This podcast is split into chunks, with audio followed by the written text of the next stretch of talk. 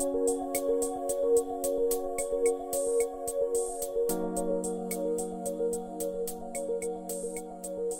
сонсогч та бүхнийхээ энэ өдрийн амгалан айлтгая. За Eagle Radio 91.1 үндэсний тайм сэтгүүлтэй хамтран бэлтгэдэг Тайм юу өгүүлэг подкастын шин дугаар эхлэж байна. За даваа гараг бүрт бид шин дугаараа сэтгүүлийнхаа шин дугаарыг уншигч сонсогч та бүхэндээ өргөн барьдаг билээ. За бид энэ удаад 529 дахь дугаарт багтсан онцлог нийтлэлүүдээс танилцуулахаар бэлтгэлээ. За студид үндэсний тайм сэтгүүлийн ерөнхий хэрэглэгч Ган Гэрэл, сэтгүүлч Лавсар нар ажиллаж байна. За өдрийн мэнд хэрэглэгч. Өдрийн мэнд За энэ удаад бид энэ төсөв батлагтай холбогдоод бас эдийн засгийн сэдвийг сонгосон байгаа. Тодруулж хэлэх юм бол халамжийн сэдвийг тэг хүндсэн онцлог нийтлэлийг маань манай нийтлэлч дамжинж бичсэн угчтай хүмүүс гэдэг гарч ихтэй. Аа. Нэг угчны ураг гэдэг шүү дээ тий. Тий, угчлаа л гэдэг. Тий. Тэгээ ер нь тэрнтэй ер нь монголчууд адилхан болчихжээ. Аа ямар нэгэн байдлаар ер нь хүн болгон халамж авч байна. Тэгээ коронавирус гараад нөө хөл хорой өнтер тогтцох үед тэгээд бүр халамж нь хавт гараад ер нь Монгол улсад халамж аваагүй хүн үлдээг баха. Нар ч нөө вакцин хэлэхдээ өөртөл 50 мянгаыг авсан. 50 мянган төгрөг авлаа. Дулааны хөнгөлөлт гэж идлээ. Эрчим хүчний хөнгөлөлт гэж идлээ. За 300 мянган төгрөг авлаа хүн болгон. А гэтэл яг энэ дээр нь дээр нь бас нөгөө нэг юунууд байгаа шүү дээ. Өмнө нь байсан халамжууд. Тий. Тэг ер нь ингээд халамжлаад байхад тусам хүмүүс яадаг юм байна л да. Ажлыг сонирхол нь буурчдаг. Тэгэд баг зарим тохиолдолд халамж ямар нэгэн байдлаар халамж хөөцөлтөө халамжид багтж чадсан хүн хөдөлмөрлөж байгаа хүнээс өндөр орлоготой болоод ажлыг ямар шаардлага байхгүй болцоод байна. Тэгээд аливаа болгон ингээд угчтай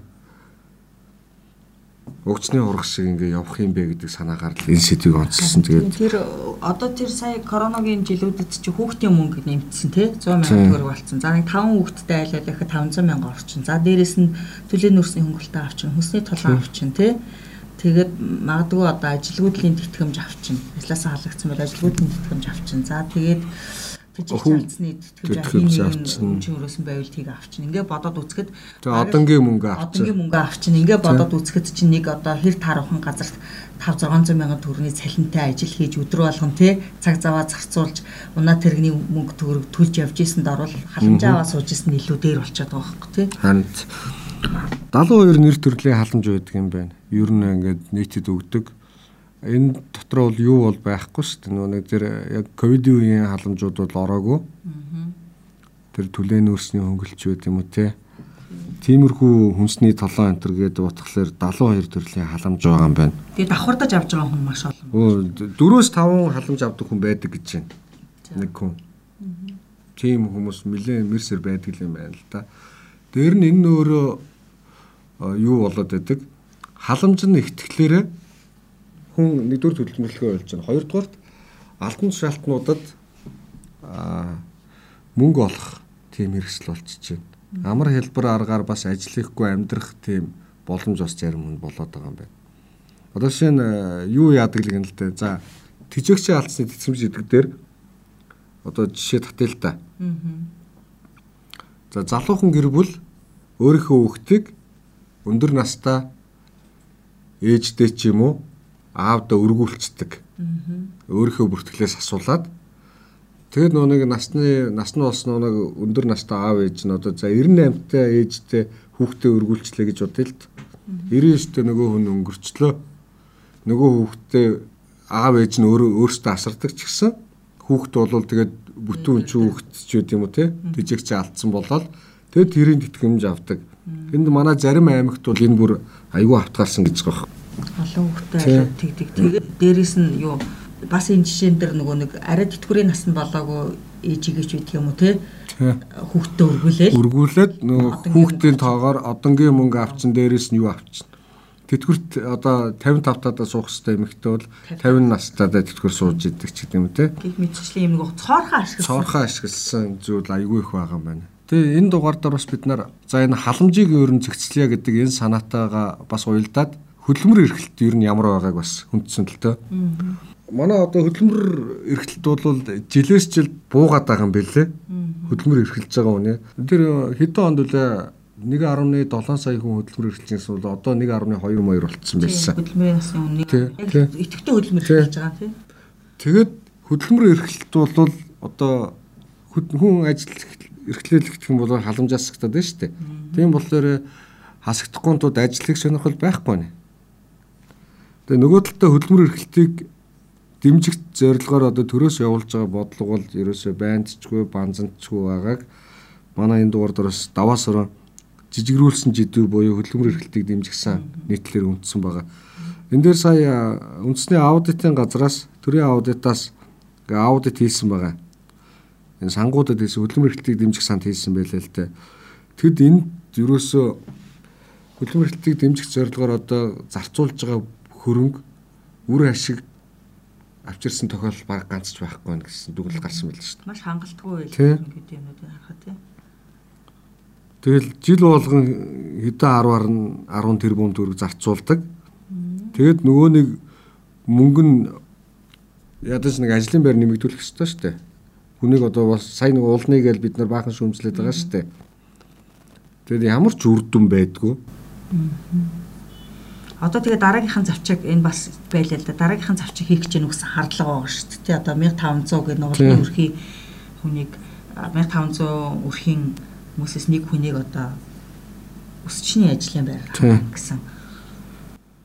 Тэгээ энэ дээр нь тий хөдөлмөртэй энэ дэмжиг сангийн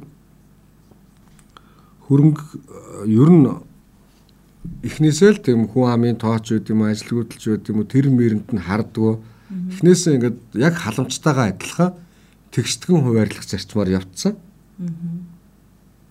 Тэгэд э, хүн чинь ер нь тэгш байдалд айгуу тагтай байна шүү дээ.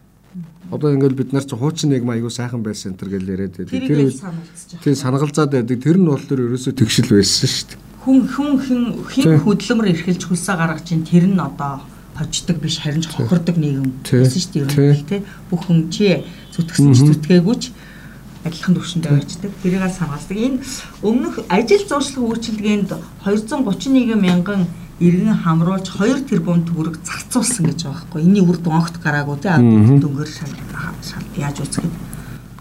За тэгтэл одоогоор аж ахуйн нэгжүүдийн 19% нь ажиллах хүчний хомсдолд орчихсон гэсэн ийм дүр зурагтай байна. Тэгээ сайн тэр тэгш байдалтай холбоод бас яахлаар одоо сонгой хайрхан дүүрэгч байд юм уу те.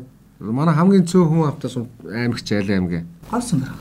За говь сүмбэр аймаг хамгийн их хүн амтай чинь одоо сонгон ярхан баян зүрх дөрөв шүү дээ тий. Аймагудаас бол хөөсгөл очиж байгаа тий.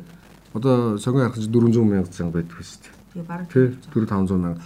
Тэгсэн чинь зүгээр нөө нэг 50 60 мянган хүн амтай аймагт хөдөлмөр эрхлэлт зориулж байгаа мөнгө 4 500 мянган хүнтэй дүүрэгт яг адилхан дүүрэг бол дүүрэг аймаг бол аймаг гэд тэгшгээд хуваарлцсан мөнгө нь тэнд хэдэн хүн ажилгүй байгаа энэ гэдэг тооцоо юу ч байхгүй.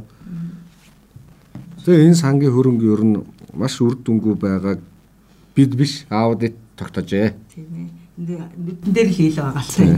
За дараагийн сэдвийг манай Эрдэнэ чимээг утган сонирхолтой сэдвийг хүндсэн байгаа.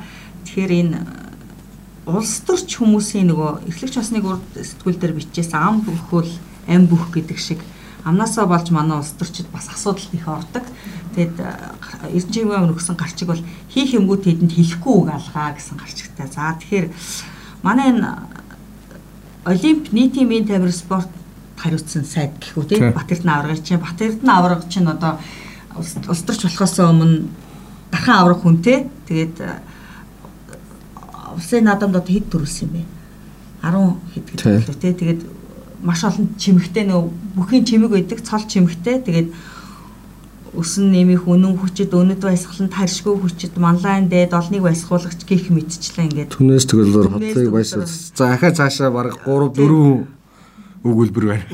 Ийм урт цолтой. Тэгэхээр манай энэ улс төрчдийн хийгээгүй ажил хийцгүй ажил хийтэй мэдэгдэлт нь энэ цолыг олгодог байсан бүгдээрээ хүчит авраг дархан авраг зүүн барааны манлаа болцохоор юм улсууд байна гэсэн юм жишээ татсан байгаа.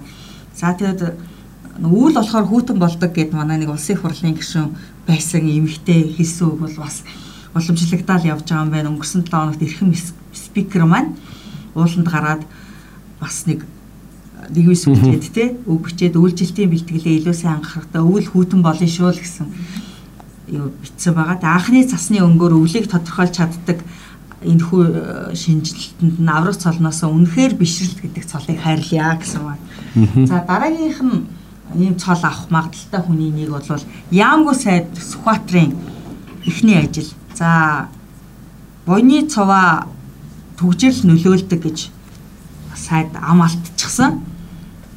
Тэгээд амьд хүмүүсээс гадна хойд ертөнцид одогсдож төгжрэлд буруутайг олж мэдсэн энэ мэрэгэн сайдтай зориулаад өсөн нэмэх гэдэг цол хайрлсан байгаамаа. Цаашид улам мундаг ингэж ярих болтугай гэдэг. Цаашид олон юм зүйл ярих болтугай. Ер нь энэ нийтлийн гол агуулга бол бид нар хуучин бол улсын их хурлын гишүүн хэлсэн үгнийхээ төлөө хариуцлага хүлээхгүй гэдэг хуулийн заалттай тэгээд чуулганы танхим дотор бол гишүүд улс төрчид дураараа одоо үг хэлдэг хэнийгч доромжилж болдог юу гэж худлаа ярьж болдог нэг тийм хуулийн залттай байсан. Тэгэд энэ байхгүй болсон бах.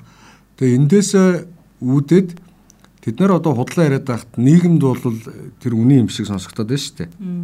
Сонгосон гишүүн үг хэлээд тахлаар үнэн юм шиг бодоод байдаг. Тэгэд ер нь жоохон амаа мэдцгээе. Эхнээсээ албан шулаасаа бас огцорч байна. Тэгэд нийгмийн сэтгэл зүйд эднэр ч бас айгүй их нөлөөлөд байгаа байхгүй. Надад бол нөлөөсөн ш. Жишээлбэл одоо энэ манай энэ шудраг өсөлтөд хэрэглэгчийн төлөө газрын дарга чинь төгжрлийг бууруулах айгүй мэрэгэн шийдэл олоод төгжрлийг бууруулах ажлын хүрээнд ажил илээ байраа солилцсон гэсэн тий. Байраа гэрээ нүгэд ирлээ гэдгсэн. Тэгээд манай Эркач бас энэ дээр бичсэн байлээ л дээ. Тэгээд сайтыг дагаад ажлынхаа байрыг юугаа соличээ гэж бодсон гинэ байраа соличээ гэсэн чи ипотекийн дээлийн хязгаар нь 150 сая төгрөг. Яагаад ч хүчрэхгүй. Угсаа зээлж болтохгүй. Зээлж болтохгүй байгаа гэсэн. Тэгээд би энэ төвжирлэг бууруулах ажлын хүрээд ажлын байраа соличтیں۔ гэж бодож байгаа. Тийм хөлбөрлөл байгаа тийм. Тийм хөлбөрлөл болох юм шиг лээ. За тэгээ энэ мэдчлэн манай мэрэгэн шийдэлт шийдэлтэй дарга нар бас амаа мэдчих байхгүй бол өдөр болгонд өдөр алгасахгүй л ингээл янз бүрийн үг яриад ах юм бол цол чимэгч нь л төрийн төвшмдүүдийн цол чимэгч нь л нэмэгдээд байх нь дээ гэдгийг л анхааруулсан юм аа. Хийх ажилгүй болоод ер нь тийм бичиж ярьж байгаа. болоод хийцгүй болоод ийм үгнүүд хэлэхэд сууж байгаа шүү дээ.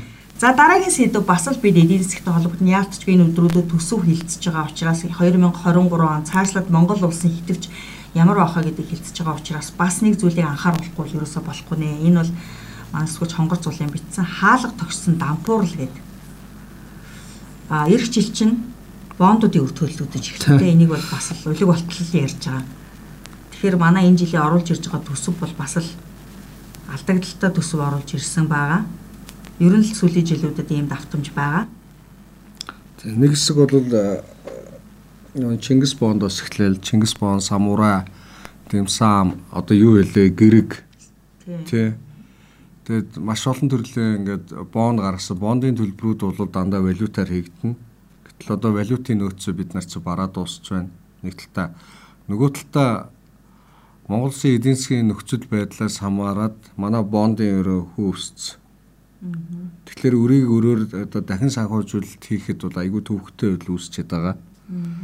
Гэтэл яг нөгөө нэг том том төлөлтүүд бондын мөнгө өгөх хугацаа нь ингээд тулаад ирчихсэн учраас бид нар жоохон хямхтай байхгүй бол болохгүй нэ. Валютын нөөц олдог салбараа ингээд төрөөс дэмжмээр байна. Ерөөсөө бид нар чинь нэг нүүрс зэс за нэг жоохон алт байгаа бах те. Нүүрс зэс алтаар л одоо валют болж ш. За ноолуур нэг хэдүү байгаа бах. Жоохон байгаа бах.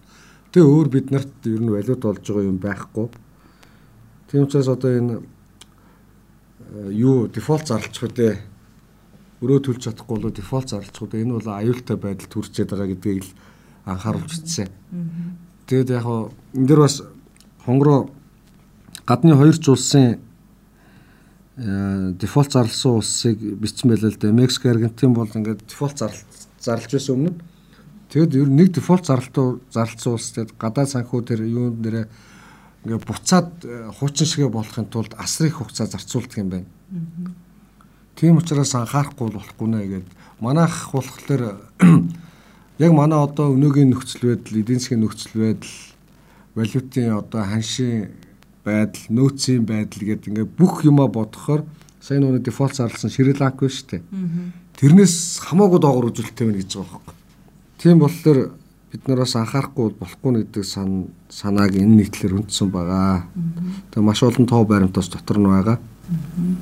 За дараагийн сэдв манай сэтгүүлд энэ нийтлэлж гэрэл чулуун бас нэгдсэн байгаа. Манай багт тэгэхээр гэрэл чулуун энэ удаад нэг шийдлийг бас санал болгосон. Өөрөөр хэлбэл а энэ төгжрлийн талаар тий хотын дарга дугуй унаа гэсэн юм сэдв хүнсэн байгаамаа. Манайхан ч бас л хил амд орцсон байна л та тий. Төрхий сайд маань бас юу амралтын өдрүүдэд одоо зорчигч тээврийн нэгтгэлд ажиллаж байхдаа бас иргэд дуусанд суугаасаа ичдэггүй байх хэрэгтэй гэсэн утгатай зүйл хэлсэн мөлий тэр ичдэггүй байгаа. Ерөөсөө огтхон ч ичдэггүй л тий. Хамгийн гол нь автобусны хүрэлцээ юм уу байгаа. Дээрээс 80 тухт тааруу байгаа. Ийм зүйлээс шалтгаалаад хүрэлцээ юм уу, хангамж муу. Дээрээс 80 тухт аюулгүй байдал талаар бодолцоод ард иргэд чи илүүтэй хувийн унаа түшгэлт юм шүү гэдгийг бас дарга нар маань бодолцож үзээрэй. За бас зориултын зам талбай, ая туханд байдаг бол бас илүү олон иргэд дугуй унах бах. Гэрч боломж бас өөрөө дугуй унах юм байлээ. Тэгээ энэ үүднээс бас энэ хэлхий бичсэн байсан. Энд дэр бас одоо ингээл нөгөө нэг дүүжин тээвэр мэвэр гээл тий агарын TLR центр гээл ингээл юмнууд яриад байдаг. Гэтэл бас энэ дэр маш олон хүнийг алхах дээр нь одоо дугуугаар унах тийм боломжтой болгох тийм шийдэл байгаа юм билээ ш хямдхан. Тэр гадны орон чинь тийм юм битүү юу яачдаг юм биш. Дугуун зам нь гадна талтай тэгэл хаалттай. Австрийн тэр тийм байдаг гэсэн. Тэгээд тэр болохоор тэгээд дотроо баг юутай байдаг юм биш. Халаалттай тэнтэй. Тийм болохоор тэр дотор хүмүүс дугуугаа оноо дугуун онохгүй нь алхаа явчих байхгүй. Манайх чадаглаад алхаад л нэг 2 км газар дотор алхачихыг гэхээр одоо ялангуяа одоо манай энэ ажилтаа ойрхон төрийн ордны энэ хажуутлын замуудыг бүгдийг бэлтаатцсан үйл болох ямар ч боломжгүй тас гэдргээс аваад өгнө. Бас зам талбайхаан тэр одоо ашиглаж байгаа зам талбайтай стандарт ямар хуу цаг өдрөлтэй уран бэлээ гэдгээ бас бодолцох хэрэгтэй. Алхах бол ямар ч боломжгүй. Одоо тэр хараагүй хүнд зориулсан зам бол одоо бүр хард хараад бид нар явж чадхааргүй зам байдаг шүү дээ. Тэр тэгэл бодоход Монгол шиг цаг ууртай газар бол тохирохгүй тийм юмар л хийж байгаа байхгүй. Тэгээ дээрээс нь дэгэн догоон нөгөө нэг ялангуяа би 40 мянгатын одоо улсын хөтөлбөрийн уртлын витамины өргөн чөлөө дагсан хоёр хажуу талынх нь явган хүний замыг бол яг ингээд асфальтыг хуулаад тэр чинь ихлэд хар асфальт байсан шүү дээ. Асфальтыг хуулаад одоо ийм өнгийн хавтан тавьж явах үеийн санд байхгүй. Яг тэр дээр үеийн тавигдсан асфальт нь бол тохоо хэрийн зузаан асфальтуудыг хуулаад одоогийн энэ алтарч ундгуудыг тавьсан шүү дээ. Тэгэхээр ямар хуу хэмжээний чанартай. Тэгээ дээр нь одоо тэр нь жоохон хэдэн жил болоод өнгөт хөрсөндөө нөгөө суугаад гажил өгөөд жоохон хүл муутай, нүд муутай хүн бол бүдрэл унчаар юм болгочихсон. Энийгээ бас эргэж харах шаардлагатай юм шиг санагдав юм аа. За дараагийн сэдв манай Эрдэнэчийн бичсэн байсан те монголчууд өнгийн зоогоо хүртэж ирсэн түүх гэдэг. Энэ бас их сонирхолтой юм байлээ. Бид нар чи ерөөсөө одоо ингээл нөө шимт тэжээлийн дутагдлалд орлоо хоол хүнсээ зохицуулж чадсангүй өдр гэж яригддаг. Бидний үг дээдс бол энийг асар сайн зохицуулж ирдэг байсан. Өрмөл өрмөц соёлтой юм шүү гэдгийг эргэж сануулсан юм зүйл үлээ. Нийтлэл үлээ. Өнөөдөр чинь дэлхийн хүнсний өдөрөлөө. Ер нь 10 сарын нэг эхний хэд хоног чинь хүнсний өдөр байдаг шүү. Дэлхийн тэр нүүбийн хүнс өдөрчхон байгууллага байгуулагдсан. А 10 дугаар сарын 16-ны өдөр юм биш шүү. Тэгээ энтэй холбогдуулаад Эрдэнэчмийг бичсэн. Тэгээ хүнсний өдрийг өгтөөд ер нь хоол тижээлийн одоо сая хэлж штэ. Дутагдлалд одоо дэлхийд дээр хэдэн хүн байгаад байна. Гэтэл ингээд зарим нь одоо эрдэс баялагын тэр юугаа авч чаддггүй. Авах ёстой шим тижээлээ авч чаддггүй гэд монголчууд бол нэг мах гүрэл зураал иддэг байсан арт түмэн гэж бодоод байна уу үгүй юм аа. Бид бол зүр асар олон төрлийн одоо ногоо гэдэг юм уу юу гэдгийг цаа суу цагаа идэг кальци хангацчихаа. Ногоо урамлаа бол ингээд хавар зундаа намартаа бол 100 намартаа бол үзэл зэгнээс хавлаад нэрс самарч юмс юу байдгийг тэгээ мөөг самар тонгон бүгдээ сулхарч байдаг юм уу бүгдийг авчихсан. За улаан идэ бол мэдээж хэрэг ойлгомжтой.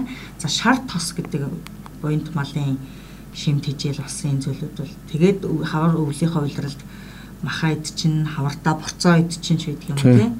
Маш э, шим тижээлийн асар өндөр боловсралтай арт түн байсан юм шүү гэдгийг байгаа гэдгийг бол бас сануулсан юм зүйл Микел байлээ. За дараагийн сэдвийг манай залуу сэтгүүлч Ловсын амдан бичсэн.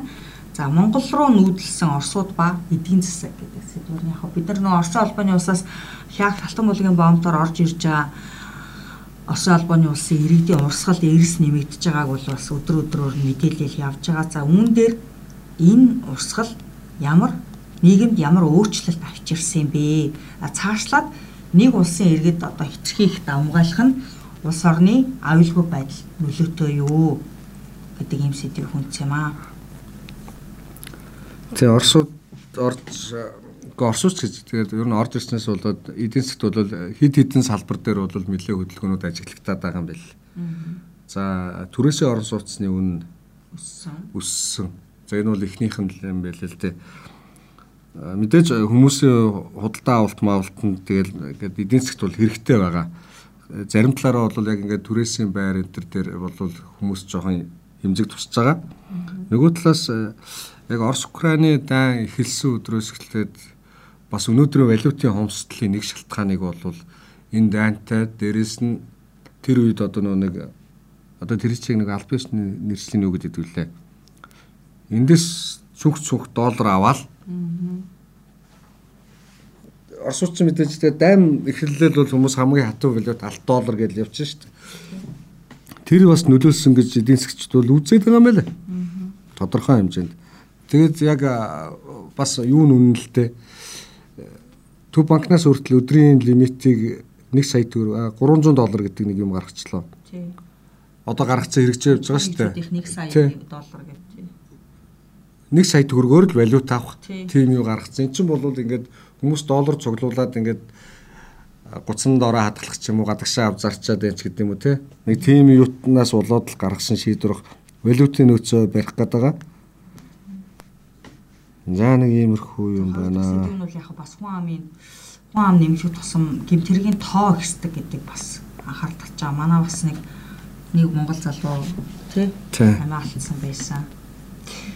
За тэгээд бас бас юунууд гарч ирнэ энэ дээр асуудлууд бас гарч ирж байгаа маа энийг бас хүнцэн байгаа сэтгүүлээсээ уншвал илүү сонирхолтой байна. За дараагийн сэдвийг сарангоо маань энэ шудраг бус давуу тал гээд оюуны өмч гэдэг зүйлийг би дээдлэнэ гэж ярьдаг. Гэтэ оюуны өмчийн хулгайч хулгай гэдгийг бол ерөөсөө альч төвшөнд байгаа арчдаг. Бид нэг нэг шинэ уран бүтээл уран бүтээлчэд хөрөн мөнгөө зараад оюун ухаанаа зараад хийсэн бүтээлийг сийхгүй бид биенийхээ одоо халаасруулалт гараад үрж ийн гэсэн үг шүү дээ. Нэг шинэ кино нэглэхэд үзэх линк байна уу гэж сууж идэг. Олон жишээнүүд одоо ялангуяа уран бүтээлчид бол энэ дээр нэлээд имжих хэсэг. Тэгээ энийг хамгаалах ёстой, энийг баталгаажуулах ёстой, оюуны өмчийн хулгайтай тэмцэх ёстой байгууллагууд нь бас юу хийж ийнвэ гэдгийг сарангой маань үздсэн байлээ. За хууль нь батлагдсан ч гэсэн хулгай нь улам нэмэгдэж байгааг бас үздсэн байлээ. Тэг мөнгөөр үнэлж болохгүй гэдэг ч юм уу те нэг тиймэрхүү заалтууд гараад тэрнээсээ болоод л бас энэ хууль олигт хэрэгжихгүй л байгаа юм байна л да. Оюуны өмчөө. Аа зөрчил гэж үзэж хулгай оюуны өмчийн зөрчил гэж үздэг. Хулгаан бүтээлийг үдсэн болон дамжуулах нь оюуны өмчийн зөрчил гэж үзэж хариуцлага хүлээдэг ээ. Тэгээд энэ бол уран бүтээлчдийг бүр хамгаалж чадахгүй байгаа олон жишээн дээр дурдсан байлээ л да. Сая өнгөрсөн сард байсан баха тий. Аа кино театруудаар нээлттэй хийгээд удаагүй эсвэл IPTV-д ороод удаагүй бүтээлүүд нийгмийн сүлжээнд болон одоо энэ нөгөө нэг ил зах зах дээр CD-д хулаад худалддаг энэ зүйл төр маш их тарлсан. За, за дараагийн сэдв энэ шин цагийн боолчлол гэдэг сэдвийг хүндсэн байгаа. За энэ гадаад материал. Тэгэхээр сүүлийн нэг 14 хоногийн хугацаанд бас Монгол улсын иргэд ч гэсэн энд бас холбогдсон байгаа. КК парк гэдэг Мянмар улсад хөдөлмөрийн мөржлөг, бэлгийн мөржлөг явуулдаг юм маш аюултай цогцлбор ухааран гэж хэлэх юм уу? Ийм зүйл байдгийг дэлхийн хөвлөд 8 сарын дундаас болоод шуугиж эхэлсэн. За Монгол улсын 15 иргэн одоогоор энэ хооронд бас очсон, хууртаад очсон. Хөдөлмөрийн мүлжлэгт өртсөн байж болцсохгүй юм нөхцөл байдал үүсэж байгаа юм байлээ. Тэгээ тагнуул бол тагнуул ерхий газар нэг шалгаж байгаа. За ард иргэдээ айл болох тэндээс аюулгүй авчрах ийм асуудлыг хөндөж байгаа юм байлээ. За гадаад тэргийн амнаас манайхан бас манай эгэл нийслэлийн зэсэтгүүлч тодорхой тодруулга авсан байсан. Тэгэхээр энэ бүс нутаг бол Мянмарын хойд хэсэг, Мянмар улс бол цэргийн эргэлт гараад одоо цэргийн засаглалтаа болцсон байгаа. Гэхдээ цэрэг хэдий цэргийн засаглалтаа ч гэсэн тэр цэргийн засаглалын хүртэл хүрч чаддаггүй. Орон нутгийн зэвсэгт босгогчдын хяналтанд орчихсан юм бүсэд энэ юу КК парк гэдэг нь байрладаг. За энэ газраас бол Монгол иргэдэд татаж авах гэдэг бол бас нэлээд хугацаа шаардсан ажил болох юм байлээ. За тэгээ гол сэрэмжлүүлэх зүйл юу гэхээр ганц одоо Монголын иргэд биш ерөн зүүн өмнөд Азийн иргэд бол цар тахал дууснаас залхуулаад ажлын байрны хомсдолд орсон те ядуурл гэсэн энэний далимдуулаад гадаад орнуудад өндөр цалинтай ажил өөрөөр хэлбэл дуудлагын утасны оператор за IT-ийн одоо мэдээлэл технологийн инженерч гэдэг юм иймэрхүү өндөр цалинтай ажилд авна гэж хуурж аваачаад цахим онлайн мөрөөдөө тоглоом ловрын юм ажлыг албатан хийлэгдэг.